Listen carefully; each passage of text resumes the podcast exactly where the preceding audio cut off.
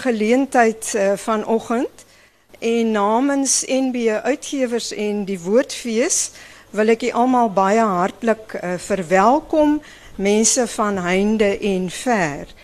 Ingrid Winterbag het nie veel bekendstelling nodig nie. U weet dat sy in 1984 gedebuteer het met uh, klaaglied uh, verkoos. Uh, daarna erf en 'n hele reeks boeke. Ek dink Ingrid ons is nou fliks op pad na 'n dosyn toe. So jy sal nog in die volgende paar jaar vir ons telkens moet verras met uh, nog 'n nuwe boek. Ehm um, pas het daar verskyn uh, die aanspraak van lewende wesens. Dit sal na die tyd ook hier uh, in die lokaal hier langs aan te koop aangebied word en Ingrid sal ook bereid wees om haar handtekening voorin te plaas. Ons is hier op Stellenbosch baie bly dat uh, Ingrid nou terug is in ons dorp nadat sy hoeveel jaar is dit nou? 15 jaar? 21 21 jaar in Durban was. Uh, is ons baie bly dat sy nou weer terug is hierso en uh, ons hoop dat dit ook vir jou uh, eintlik van vanaf 'n jaar of 2 gelede weer 'n nuwe fase in jou skryfwerk sal inlei. Die onderhoud uh, word gevoer ook deur 'n vriendin en uh, kollega, Louise Viljoen, uh, een van die uh, belangrikste figure in die literêre stelsel, in die Afrikaanse literêre stelsel. En baie dankie ook aan Louise. Uh, jy hoef nie so te, te nie, Louise. Uh, baie dankie ook aan jou vir die onderhoud uh, wat jy met Ingrid uh, gaan voer. Dankie.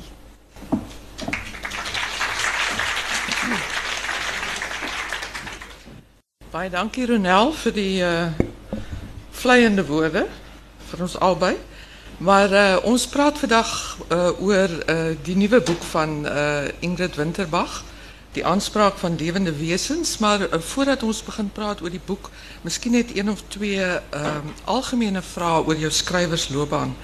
Uh wanneer het jy uh begin skryf en hoe het die publikasie van daardie eerste roman wat Ronel nou genoem het, Klaaglied verkoos gekom in 1984? Ek kan maar net praat, ja.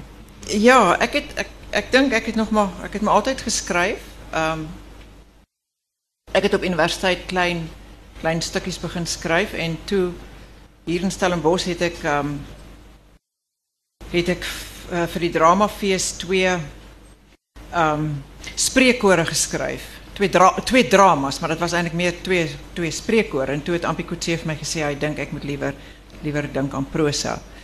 En ehm um, en ja, toe het ek uh, Klaaglied vir koers geskryf. Ja, so dit was een soort natuurlijke uitvloeisel uit. Ik was maar bezig. Ja, en uh, dit is interessant dat jij destijds Klaaglied verkoos bij Taurus gepubliceerd ja. Uh, iets daarover, hoe kom je Taurus gekies? Ja, Taurus was toen een klein... Ik heb die mensen gekend bij Taurus. John Miles, Ampie Coetzee, Gerrit Olivier. Mm Omdat ik bij Wits um, studeer het. En omdat ik zo'n beetje... Uh, beetje niet bij die groot um, uitgeversmaatschappij ja. toe wou uitgee nie en Taurus was so klein onder ondergrondse uitgewery wat ja. meer gepas het by ja. ja die hele politieke en situasie toe. Ja ja. In die vroeë 80s ja. Uh in die algemeen net hoe uh begin jy gewoonlik met die skryfproses uh Lawrence Stern het in uh, The Life and Opinions of Tristram Shandy uh wat in 1767 al het het hy gesê The thing is this that of all the several ways of beginning a book which are now in practice throughout the known world, I'm confident my own way of doing it is the best. I'm sure it is the most religious, for I begin with writing the first sentence and trusting to the Almighty God for the second. nou, hoe moeilik of hoe maklik is dit vir jou om daai eerste sin van 'n boek te skryf? Wel die, die ek sê die eerste sin is natuurlik nooit die eerste sin nie. Die eerste sin wat in die boek verskyn is baie selde die eerste sin waarmee mens begin ja. skryf. En dis dis baie baie moeilik. Dit is die moeilikste tyd is eintlik tussen die die publikasie van een boek en dan moet begin met 'n nuwe een. Want dit bijvoorbeeld nou dit het my 'n jaar geneem vandat die aanspraak verskyn het totdat ek nou weer begin voel het ja, ek is miskien ek is miskien nou besig met iets. So dit is dit is ontsettende afdwaal weer in vals beginne voordat 'n mens uiteindelik kom by by waar jy wil begin en dan wat op wat dan uiteindelik 'n eerste sin is. Ja, ja. So jy deel nie heeltemal Stern se vertroue in die Almagtige om jou daai tweede sin te gee nie. Baie vals beginne. ja, ehm um, Jy het hierdie uh, die manuskrip van uh, die aanspraak vir uh, van lewende wesens het jy ingeskryf vir NB se romanwedstryd en daarmee het jy ook die die groot prys gewen van 200 000 rand. Hoe voel jy oor 'n so 'n soort kompetisie en uh oor die prys wat jy daarvoor gewen het? Nou, ehm um, oor pryse voel ek voel ek ambivalent. Dit is natuurlik ontsettend dit is dit dit dit help om 'n prys te wen. Ek verdien nie 'n salaris nie, sodat die geld is baie welkom. 'n Prys self is 'n bevestiging, maar dis altyd net 'n tydelike bevestiging. Ek dink daar's niks wat regtig regtig die vertwyfeling die selftwyfel wat mens of wat ek as skrywer het regtig ooit permanent van die lyf kan hou nie. Ja, so uh, ik kan nogal voor mij indink dat het dat de prijs een ambivalente of tweesnijdende zwaard is ja. eigenlijk. Ja. Goed, als we oor die roman uh, praat, um, die rom hierdie roman vertel die verhaal van uh, twee karakters van Karel Hofmeyer en Maria Volskink wat elkeen op 'n tog van hulle eie is. Karel reis van Durban na Kaapstad omdat hy 'n oproep kry van Josias brand dat hy sy broer Iggy moet kom verwyder van Josias se plaas in Kaapstad. En uh, Maria gaan van Durban na Stellenbosch om haar ouers se graf te besoek om meer uit te vind oor die laaste dae van haar suster Sofie wat uh, selfmoord gepleeg en om haar seun Benji te help. Nou die enigste raakpunt tussen hierdie twee verhale is die feit dat hulle beide vir Jacobus Kutse ken, een van die inwoners daar van Josias plaas en hulle kom nie by mekaar uit nie. Wat is die uh wat kan jy as skrywer regkry deur byvoorbeeld twee verhaallyne uh, in 'n roman te gebruik in plaas daarvan om te fokus op een enkele intrige? As jy twee verhaallyne gebruik dan is die twee altyd in dan ontstaan daar 'n spanning tussen die twee lyne. Hmm. Want 'n mens wonder, mens lees as jy lees wonder jy wat die verband is. Jy soek die hele tyd verbande. Jy wonder of die twee lyne ooit bymekaar gaan kom. Mm. Omdat dit twee perspektiewe is, gee dit 'n 'n verruimende 'n groter veld. Maar jy kry ook 'n groter wisseling van tekstuur. Mm omdat dit twee, ja. twee verschillende lijnen is. Ja. ja, dit is nogal opmerkelijk dat je dit dikwijls gebruikt. Dat je die verschillende verhalen met elkaar verweef. Uh, belemmering bijvoorbeeld. Ja. En ook verschillende karakters. Ja. Uh, en, en dikwijls dan ook in verschillende stijlen. Zodat de mensen daar die textuurverschil ja. uh, aanvoel. In, ik denk die spanning waarvan jij praat. Dat de mens uh, wonder hoe gaan die twee bij elkaar uitkomen. Wat is die raakpunt? Ja dit bly eintlik deel of dit word 'n baie boeiende deel van die leesproses vir 'n mens. Ja. Maar luister ja. Louise, voordat jy vir my volgende vraag vra, net net weer oor die begin van die roman. Mm -hmm. Waar aanspraak begin het. Ja. Want ek ek het 'n ek het 'n fonds gekry. Is dit? In my dagboek, want ek hou dagboek. In my dagboek van 27 Maart 2010. Nou dit is 2 jaar voor die verschijning van ja. aanspraak, kry ek toe toevallig want ek kyk so af en toe na my dagboeke net om so 'n idee te kry van hoe my lewe nou eintlik verloop. Just to catch up on myself. kry ek toe hierdie inskrywing. ek het ineens die plot. Kunshistorikus. Vrou. Skryf 'n boek oor performance artists wat werk met die ekstatiese. Whatever. Oh. Dit kan dalk 'n bietjie van 'n ontluisterende blik gee. Goed. Whatever. Daarvoor wil sy afreis na 'n kunstenaarskolonie in die Oos-Kaap, net buite Graamsstad. Meneer P, die geheimsinnige meneer P. Ja. 'n besoekende kunshistorikus vergesel haar. Hy het iets met een van die kunstenaars daar gehad. Hy wil haar treis. Hy doen navorsing oor palings of uitwissingsteorieë. Nou ek dink dit is interessant om te sien waar 'n roman begin, hoe ver dit weg is van Ja. wat op die ou en die roman geword het. Ja. Hoe party van die goed gebly het. Die die kunshistorikus vrou het geword 'n ouditeur. Ja. Die geheimsinnige sprong. meneer P, ek sien dit Nogal 'n sprong. nogal 'n sprong. Ja. Die die ekstatiese ek dink ek dink nie dit kom ter sprake in daai lesings wat Maria bywoon nie. Nee.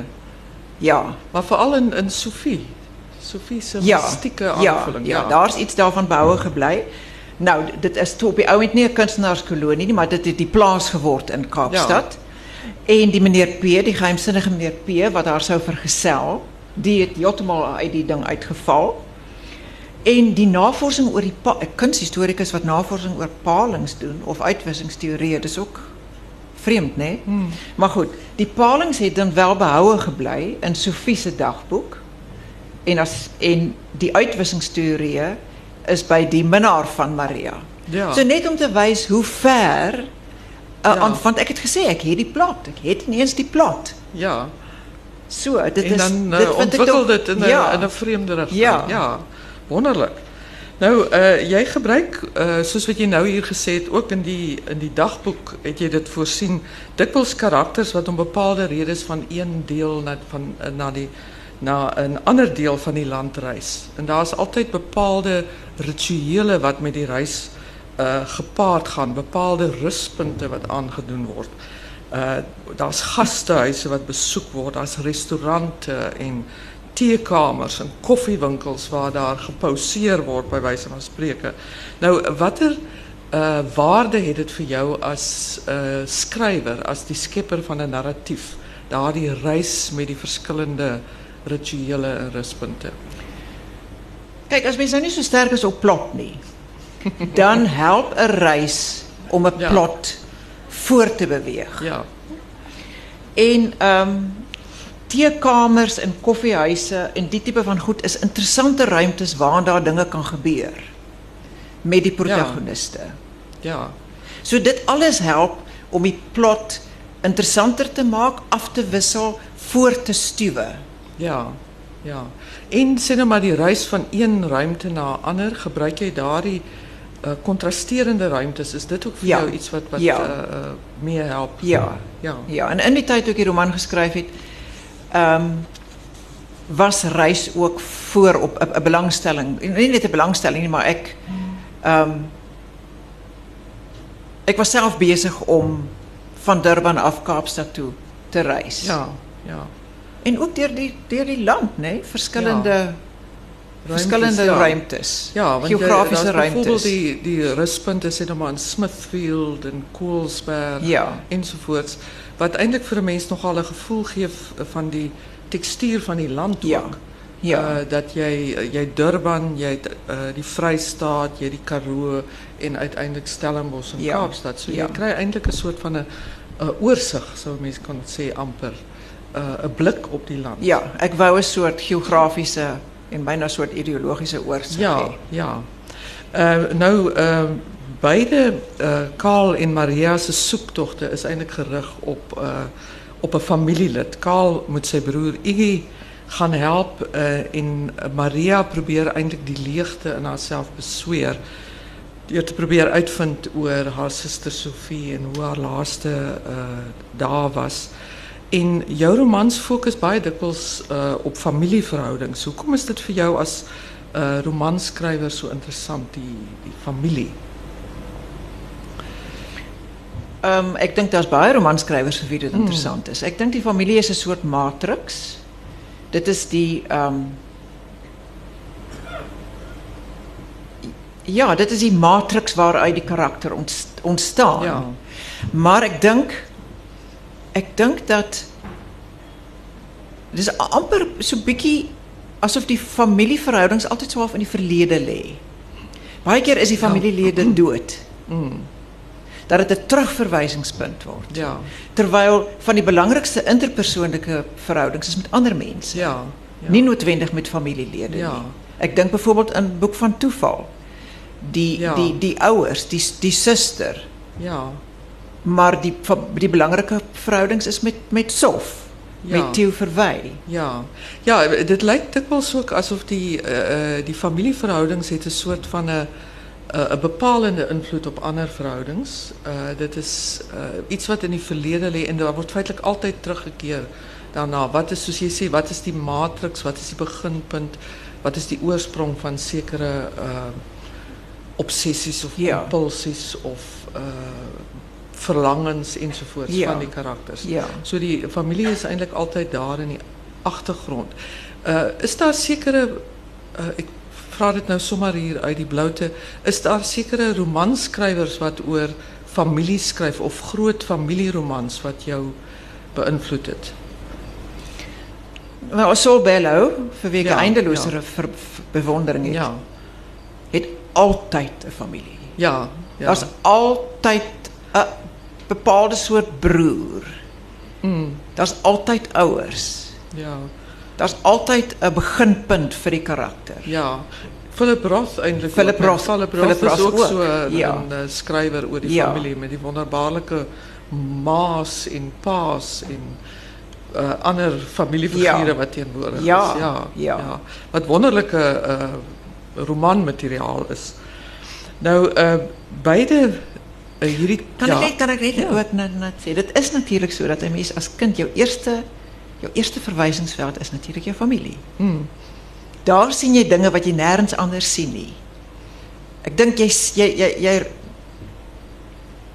Ja, laat ek dit maar daarby laat. Uh, nou uh, hierdie beide Iggy en Sophie uh, op wie die soektogte eintlik gerig is wat nie eintlik uh, figureer in die roman in die opsig dat hulle sterk fisiese teenwoordighede is nie want soos Sophie is reeds dood Iggy uh, Is in 'n diepe slaap, ja. ja is in 'n diepe slaap. Ehm um, hulle is eintlik wêreldvreemde karakters uh verskeurd. Hulle is geweldig kompleks, baie talentvol, fyngevoelig, maar wat vir my veral interesseer is dat hulle so 'n aanvoeling het vir die mistieke. Nou jy het in jou dagboekfragment verwys na die ekstatiese. Uh het jy self 'n 'n belangstelling in die mistieke ervaring of die ekstatiese want ook dit kom in jou werk voor. Uh Boeler se plan. Ja. Um, daardie mistieke element en waar uh wat is jou verwysingspunt daarvoor? Byvoorbeeld is dit in die visuele kunste wat jy dit uh vind uh lees jy die werk van die mystici of iets van die aard? Waar kom jou belangstelling daarin uh vandaan? Ja, ek het 'n baie groot belangstelling, miskien omdat ek self so min in staat is tot enige mistieke belewenis. Ehm um, is dit iets wat my eindeloos Hmm. interesseer. Ja, nee, ek het al ba- baie verskillende goed gelees. Ehm um, van Sint Teresa tot die Kabbala. Ehm um, dit is 'n bui- dit is 'n wêreld wat so buite my eie vermoëns en en en ervaringssfeer sfeer Ja. Dat my interesse dit interesseer my. Ja. Dit is so buite die rasionele en Hmm. Ja, want wat Ja. wat 'n mens ook opval is byvoorbeeld die uitsonderlike soort van uh beelde wat jy daar versin, byvoorbeeld vir die visioene wat uh Sophie sien, jy weet haar konseptualiserings van God of uh die karakters daar in in uh Boeler se plan. Um, geweldig interessant God as 'n eier of die drade. So dit lyk vir my Ja. jy het tog 'n aanvoeling vir die mistieke al dink jy nie so nie. Weet dit is van fantastiese beelde wat daar uh na vore kom. Dit was ook baie sterk uh visuele beelde. Nou ander soort karakters wat wat jou ook uh lyk dit my besonderlik interesseer en waarvan 'n mens 'n hele aantal ook in die roman kry is byvoorbeeld die swerwersfigure, die straatbewoners of die hawelose mense wat uh, dikwels sulke randkarakters is. Uh dit is dikwels mense wat nie 'n vaste verblyf het nie en wat by huise moet aanklop om uh, geld te vra en kos te vra. Hierso het 'n mens vir Utah en haar metgesel vir Donnie in die bruidjie wat hy vermoor uiteindelik en dan die twee uh wat uh Maria in die begrafplaas raakloop Denzel uh en die vrou. Uh hoekom interesseer hierdie soort karakters jou ook soveel? Hoekom gebruik jy hulle so dikwels? Ek ek dink dit is dit is ook weer ehm um, dat ek vanuit 'n middelklas perspektief geïnteresseerd is in alles wat op die periferie lê. Mm. En ek bedoel dit is die dit is die die die die wat wat niks het nie, die die die verlooptes, die ingekortes, die lammes, die dit is interessant as karakters. Ek bedoel die welgeskaapenes, die dit hulle hulle doen dit nie vir my nie. ja. Die harmonieus is en die wat in vrede in met hulle self en hulle omgewing is en in hulle middelklas vreugdes opgaan. Is nie interessant nie. ja, eerder die karakters wat zwerf en probeer ja. oorleef uh, op ja. die mees prekêre maniere. Ja. Ja. Ja, dis op die rande, die rande van persepsie en oorlewing. Dit is wat interessant is. Ja, ek moet sê hulle maak ongelooflike interessante romankarakters ook. Uh as 'n mens 'n boek van jou oopslaan, kan jy nie eintlik wag om te sien wie gaan hier opdoem nou nie. watter watter boeiende karakters want dit begin eintlik al in in Klaaglied verkoos en in Erf uh hierdie soort swerwersfigure en as jy 'n Kaapenaar en 'n Stellenbosser is, is dit uh soos 'n ou herkenning om al ja. die uh, wat ons hier noem die bergies ja. raak te loop ja. daarso en en uh, ek dink wat ook interessant is is dat jy in daardie figure uh, wat dikwels vanaf 'n afstand beskou word en waarvan slegs die uiterlike beskou word jy eintlik uh, op 'n manier hulle uh, gevoelslewe uh, beskryf en hulle uh, hulle soort ver, verhoudings. Ja. Jy weet wat uh, wat soms hartstogtelik is ook maar partymal geweldig brutaal ja. en gewelddadig.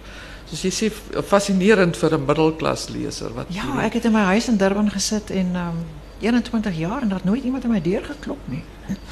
so erg gevind.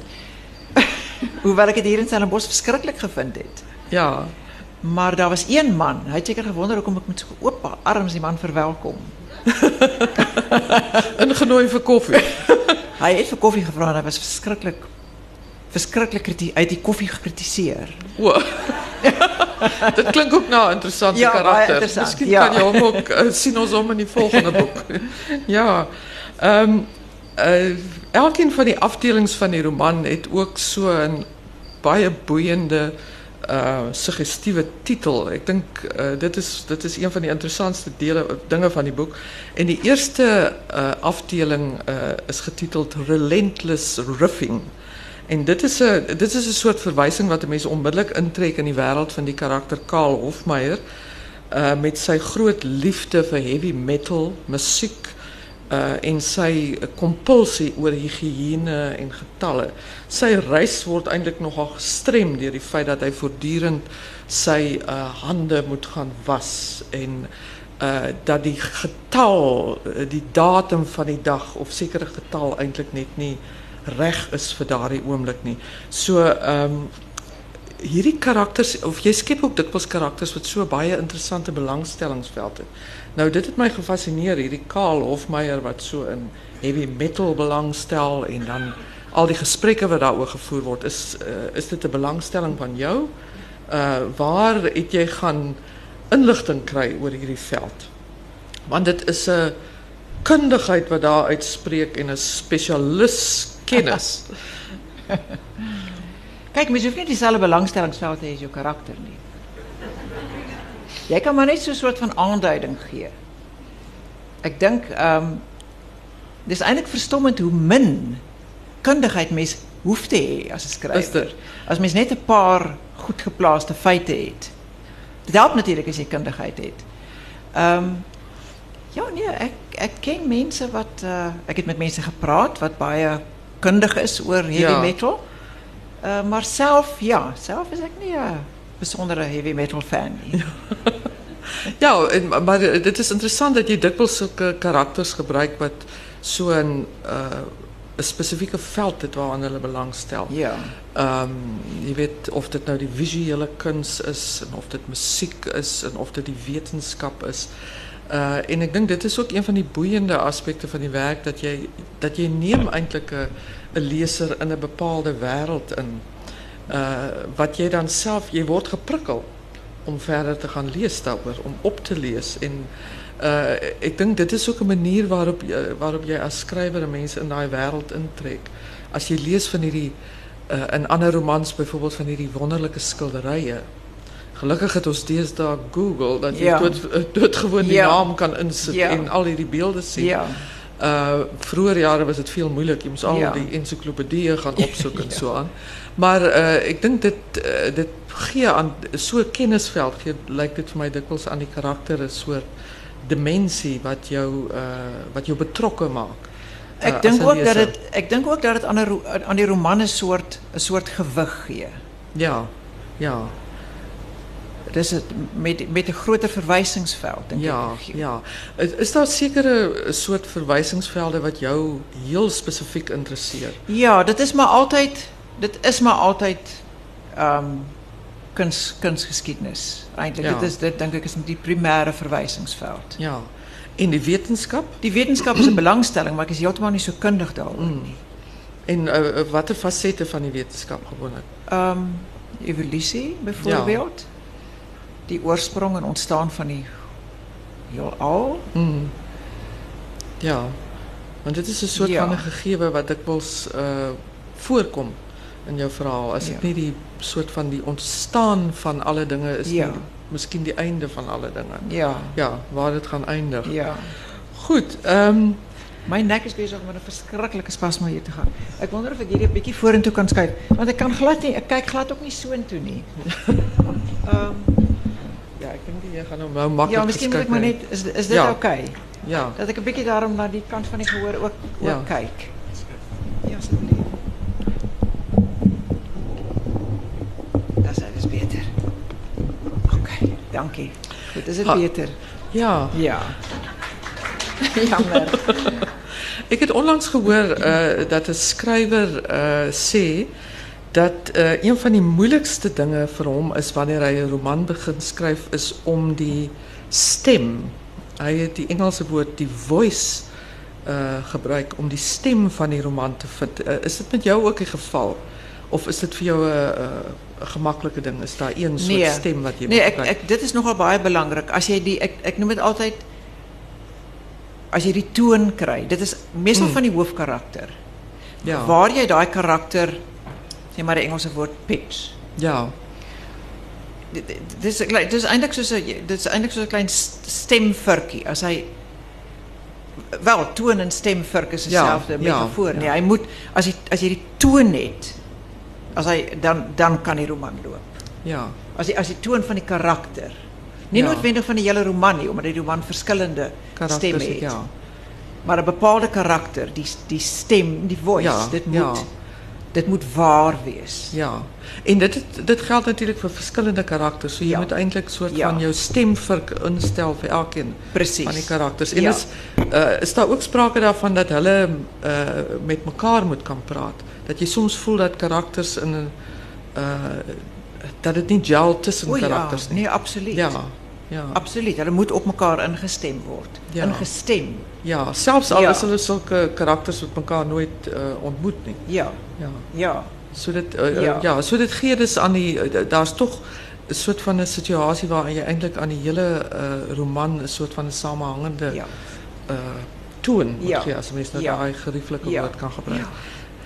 Nou ehm iets wat daarmee saamhang is dat uh in hierdie roman uh, die verskillende karakters uh, se manier van praat hier uh besonder autentiek weergegee word.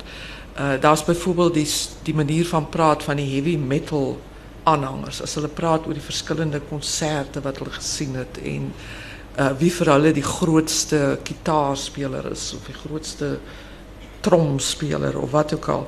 En die vrou in die begrafplaas wat haar eie manier van taal gebruik het wanneer sy met Maria praat. En dan veral Maria se seun Benji wat nou hierdie jong mense kan maar sê verdwaaste karakter is wat uh vreeslik baie Engelse woorde gebruik en sy sinne so in die in die lug laat hang. So uh, jy weet like uh, ja. like uh, like this. Soos in. Soos in. Soos in. Ja. Nou uh as 'n romanskrywer moet jy luister jy baie na hoe mense praat om daai daai soort van ja uh, nee dit is uh, stemme ja, op te tel nee absoluut um, dit is on, verschillende manieren van praten en, is, is ontzettend belangrijk. En ik is ook, ik weet dat ik van kleins af mijn oren gespitst heb als iemand van mij op een ongewone manier gepraat heeft. Hmm. Het, het, lijkt voor mij, ik was, ja, ik was altijd, als er een ongewone manier van praten was, en daar, dan was ik als kind al gefascineerd. Ja. Ja, en ik doe meest, moet hoe kan je nou dialoog schrijven als jij niet luistert? Nie? Ja, ja. En... Ek het eendag in 'n kafee, ek het hier juist in in Stellenbosch gesit en iemand het van toe ek kom ek rein van Durban af my Afrikaans in een stuk. Ek is voor eng Afrikaans. Ek is heeltemal onskuldig daaraan. En ek sit in hierdie restaurant en hierdie meisie langs my sê soos in en soos in en ek dink kan jy dit volhou? Sy hou aan met soos in en ek kan dit nie glo nie dat iemand dit so kan volhou. Alles is soos in. ja. Ja, ek dink dit moet heerlik wees om as 'n skrywer dan uh dit uh, uit te probeer as jy Kan jy asseblief net vir my herhaal? ja. Nie daai sinnetjie heeltemal gekry nie. Stap jy soms met 'n opnemertjie in jou sak? Nee, maar ek wens al ek het. ja. Ja, dit is miskien 'n manier nie net die pap, die papiertjie waarop jy kan aanteken ja. maar ook die uh die klein rekordertjie ja. wat jy wegsteek. Nou uh die interessante ding is dat hierdie roman uh 'n mens eintlik konfronteer uh met geweldige je weet, gevoelens van uh, diep verlies, uh, van verlatenheid en uh, leegheid. Vooral aan die kant van Maria, wat zo wonder over haar zuster en wat die reden was waarom ze zelfmoord gepleegd heeft. En aan die andere kant ervaren mensen die roman bij die lees daarvan ook als geweldig snaaks. Um, daar is momenten wat uh, geweldig komisch is. Bijvoorbeeld die begrafplaastoneel waar Maria geconfronteerd wordt door die twee mensen, Denzel en die vrouw. Um, ergens een komedie. Is dat voor jou een scheiding tussen die twee of niet? Uh, want mensen merken nee. dikwijls op dat jouw boeken hier die soort uh, komische elementen Ja. Ik denk humor humor is vir my um belangrik omdat dit ook uh, ambivalent is, omdat dit ook twee kante het. Aan die een kant is dit is dit verskriklik en aan die ander kant is dit snaaks. En um ja, ek dink humor het humor is is belangrik. Ek dink nie dis ek weet nie of dit komies is nie, ek dink is meer humor. Mm. Mm. Um ik denk humor het voor mij ook nog altijd een uitweg gebied. Uit de plek van van verstrikking. Um, ja, dit, dit, dit, is, dit is toch een soort dit is toch een soort ontsnaproute. Dit is eintlik ja. een soort troos ook. Ja. Dit is eintlik een soort lach van in die, in die aangesig van verskrikking, 'n soort lag van 'n bevrydende soort. Dit is ook 'n bevrydende element, 'n soort ja. bevrydende lag. Ja, ja. En ja, soos jy sê, ook 'n manier om jou miskien te verweer teen uh ja. teen hierdie gevoelens ja. van uh smart van weerloosheid, ja, van weerloosheid. absolute uitgelewerdheid en weerloosheid. Ja. Weet wat het 'n mens eintlik om jouself mee te verweer? So min. En humor denk ik is één daarvan. Ja, ja. Goed, als uh, een mens uh, verder kijkt, jij gebruikt Uh nie net ek-vertellers uh in hierdie roman. Jy gebruik nie eintlik ek-vertellers in die roman nie. Daar's nie die slotgedeelte met die Sophie waarin daar sprake is van 'n uh, ek-vertelling, maar dit is nogal interessant dat jy derde persoons vertellings gebruik waarin ook die verteller uh se taal gebruik soos dit ware die ehm um, die kwaliteit van die karakter uh se taalgebruik begin aanneem. Uh wanneer die verteller praat oor Kaal, dan begin die verteller ook 'n bietjie soos Kaal praat. Uh is daar 'n rede waarom jy dit uh op die manier doen? Ja, ek dink ek dink ehm um, dit dit dit dit help dit help die leser om om om om om om in te beweeg in die karakter. Ja. Om te identificeren met die karakter. Om nader te komen. Dis 'n kwessie van afstand, dink ja. ek. Ja. Nader aan 'n karakter, verder aan 'n karakter. Ja. Ek dink eintlik dat die autoriële vertellerstem baie op die agtergrond is hier. Ja. Dat dit mee sal gaan dat ehm um, 'n betrokke derde persoon is, dat dit nader aan die derde ja, persoon is. Ja. Ja, dis vir my nogal 'n baie uh, uh, interessante beskrywing daarvan wat 'n mens kry uh, sekere romanskrywers uh, wat 'n bepaalde stem handhaaf, 'n bepaalde verteltoon, afstand Ja, afstand. Ja. En dan 'n bepaalde karakter aan die woord stel. En dan is ja. daar 'n redelike gaping eintlik tussen die manier waarop die verteller vertel en die karakter praat. Ja. Maar hier is dit asof die verteller uh nader beweeg aan die karakter en eintlik 'n uh, soort van 'n begin identifiseer ja. as dit ware ja. met die verteller. En dit ja. is dis nogal 'n 'n moeilike effek uh om te snap. Jy voel dit intuïtief aan, maar om om spesifiek te besef wat daar gebeur in daardie vertelling en dit is dit is interessant dat jy sê dis 'n soort identifikasie van die verteller eintlik met die karakter ja. sodat daardie stemtoon beweeg in die rigting uh van die karakter. Ja. Nou 'n ander element in hierdie roman wat besonder fascinerend is, is daardie plaas van Josias brand uh teen Synheuwel waar hy eintlik allerlei verskoppelinge van die uh samelewing huisves waar hy varke en ganse aanhou en allerlei dinge doen. Ehm uh, watter beeld wou jy met hierdie plaas skep? Jy het eers gepraat van die, in jou dagboekstuk van 'n kunstenaarskolonie, maar toe word dit ja. hierdie plaas teen Synheuwel. Ja. Uh, ja. ja. Die plaas het ek ehm um, ek het in die koerant het ek nogal foto's gesien. Daar was 'n artikel oor die plaas, want daar is so 'n plaas. En dit het my geïnteresseerd. En ehm um, ek ek dink ek wil nie ek hou nie daarvan om om om self om 'n roman te te interpreteer nie, maar ek dink ek wou die plaas stel teenoor uh die byvoorbeeld die boere mag en so. Hmm. Die plaas as 'n plek waar waar swart karakters geskiedenisse en name het. Ja. Die plaas waar uh, miskien 'n nuwer 'n ander Suid-Afrika in die vooruitsig gestel word. Ja. Ja. Hoewel dit in baie opsigte ook 'n diep chaotiese plaas is. Mm. Dink ek daar skakel met ja, en en definitief teenoor 'n meer konservatiewe, behoudende en en en dan die ekstreme uh boeremag. Mm. Ja. Dat jy dat ek daai soort spektrum ook kry want Suid-Afrika is het daai spektrum. Ja, ja. Dit was vir my baie interessant want dit het my laat dink amper aan ehm uh, die wat jy selfs in in in forme van utopiese of distopiese literatuur 'n uh, 'n tuin of 'n plaas of 'n 'n gemeenskap waarin uh, daar as dit ware 'n soort van 'n model vir 'n toekomstige samelewing uh geskep word. En die plaas is so prominente deel eintlik van die Afrikaanse literatuur Ja. dat jy nou hier 'n plaas Ja. in die stad kry. Ja. Hy lê in die stad Ja. En hy het hierdie rare versameling van karakters. Ja. weet jy het hierdie uh uh die swart karakters wat eintlik nie 'n landelike swart mense is nie. Hulle kom Nee, nee, hulle is gebore in die swart stad. Hulle is ja. stedelike mense. Ja. Hulle het uh sterk uh persoonlikhede en Ja. interessante geskiedenisse en jy het hierdie uh psigies versteurdes, jy het hierdie uh, leier van die plaas wat 'n gevaarlike uh, man lyk in sekere opsigte. So dit Ja.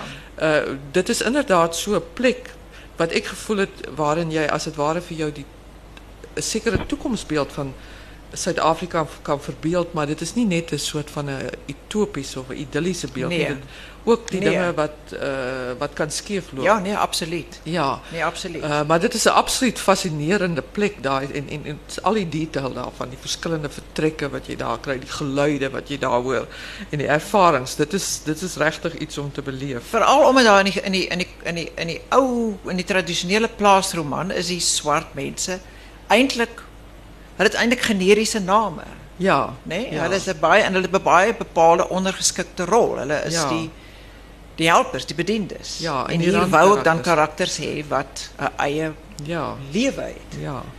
En uh wat ook interessant is in die roman wat as dit ware 'n deurlopende element in jou oeuvre is is die uh die karakters uh wat so sterk uh band het, uh miskien selfs in konfrontasie kom uh met die gestorwenes. Byvoorbeeld in landskap met vroue in slang besoek die hoofkarakter Lena haar ouers se grafte in die begrafplaas en sy woon ook 'n lijkskouing by. Nou daai selfde keer hier terug. Maria gaan besoek die begrafplaas.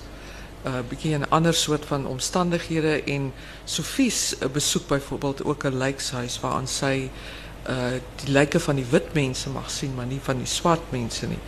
Ehm waarom is die die konfrontasie met gestorwenes vir jou so 'n uh, moment uh by sommige karakters? Uh die die die konfrontasie Ja. ook met 'n gestorwe liggaam. Ja. Wel, hoe ouer mens word, hoe meer gestorwenes is daar natuurlik. Ja. En hoe nader kom jy aan jou eie gestorwenheid. So Ja.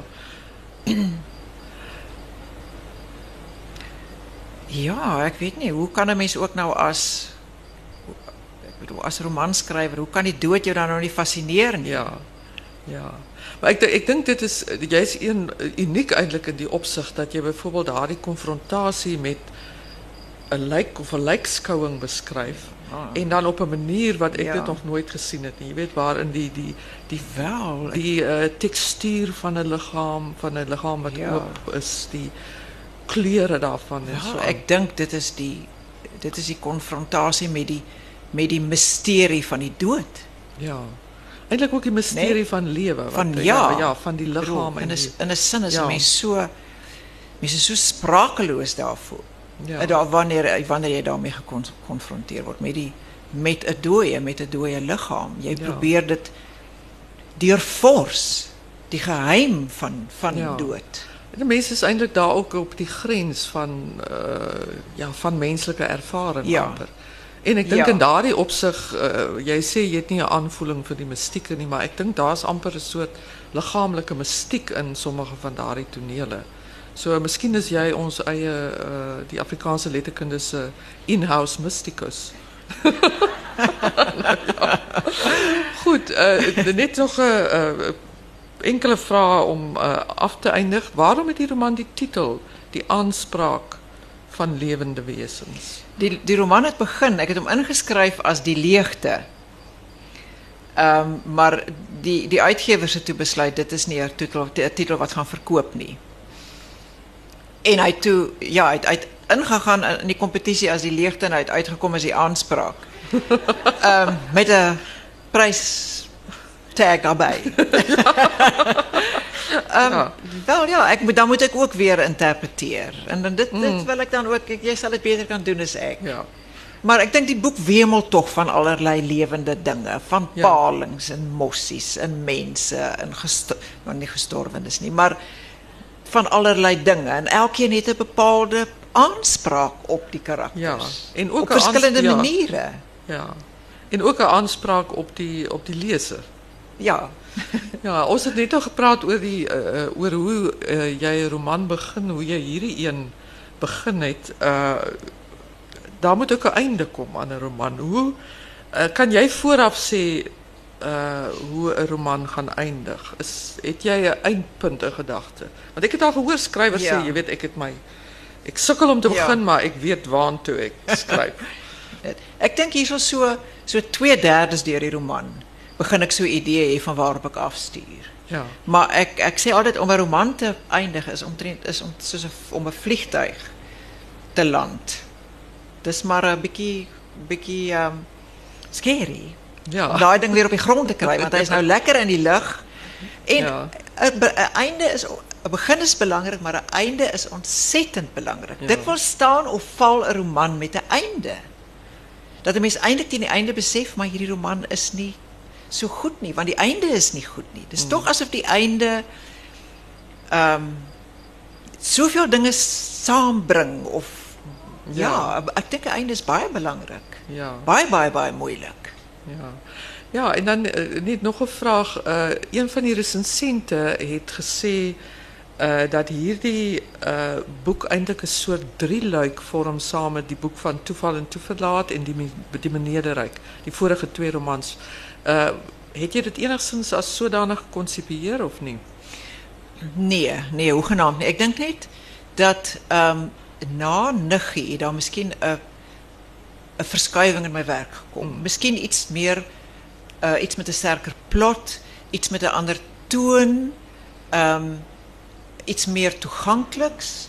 En ek dink d- dit is 'n kenmerk van al drie die romans en dit gee dit miskien die die indruk dat dit 'n drieluik is. Maar dit is Ja. definitief nie gekonsepieer as 'n drieluik. Ja. Ja, en en uh uh miskien net 'n laaste vraag. Ehm um, jy is ook 'n visuele kunstenaar. Uh sou jy sê dat jou uh die visuele kuns jou romankuns beïnvloed uh en andersom? Uh sou jy sê dat ook jou skryfkuns, jy- jy- jy's veral bekend as 'n romanskrywer dat dit ook jou jou visuele kuns uh beïnvloed. Beoefen jy die twee saam? Ja, dit dit voel nie vir my asof daar raakpunte is nie. Ehm um, al wat ek miskien kan dink formeel, tegnies, is dat ek in romans sowel as in visuele werk geneig is om sekere dele oningevul te raak. Te laat. Oh, dit is uh, dit is nogal 'n boeiende opmerking dat daar Ja. sekere wat wat as ek nou dink byvoorbeeld aan die uh, omslag van uh Niggie. Ja. Is dit Niggie? Ja. Die die uh, Cronje Ja, wat wat ja. is Ja. with Cronje. Ja. Uh daardie uh, ja, die die die ruimtes, die die stukke wit wat Ja. as dit ware op Ja. die doek gelaat Ja. word. Ja. En dat jy dit doelbewus ook in jou romans Ja. uh, uh, Ja. doen. Kyk, sy sekere sekere romans is sodat mens voel dis soos 'n kamer wat verlig is. Elke deel van die vertrek is eweveel verlig. En elke deel van die de van die vertrek is belig. Maar ek dink as ek skryf dan laat ek sekere dele in die skaduwee Ja. dat die lig op bepaalde plekke val en nie op alles ewe op, dieselfde manier nie. Ja. Met ander woorde dat daar ook 'n so sekere soort van relief, 'n dimensie eintlik in daardie beeld is wat 'n mens kry. Ja. soort van 'n ja, verskuilde areas wat 'n ja. mens wil eksploreer. Ja. Goed, ek dink uh, daarmee is ons uh, tyd verstreke uh, en uh, Ingrid, ek wil vir jou baie dankie sê. Dit is altyd heerlik om met jou te praat uh, en heerlik om jou boeke te lees. Baie dankie dat jy hier was vandag. Ag, baie dankie Louise. dankie.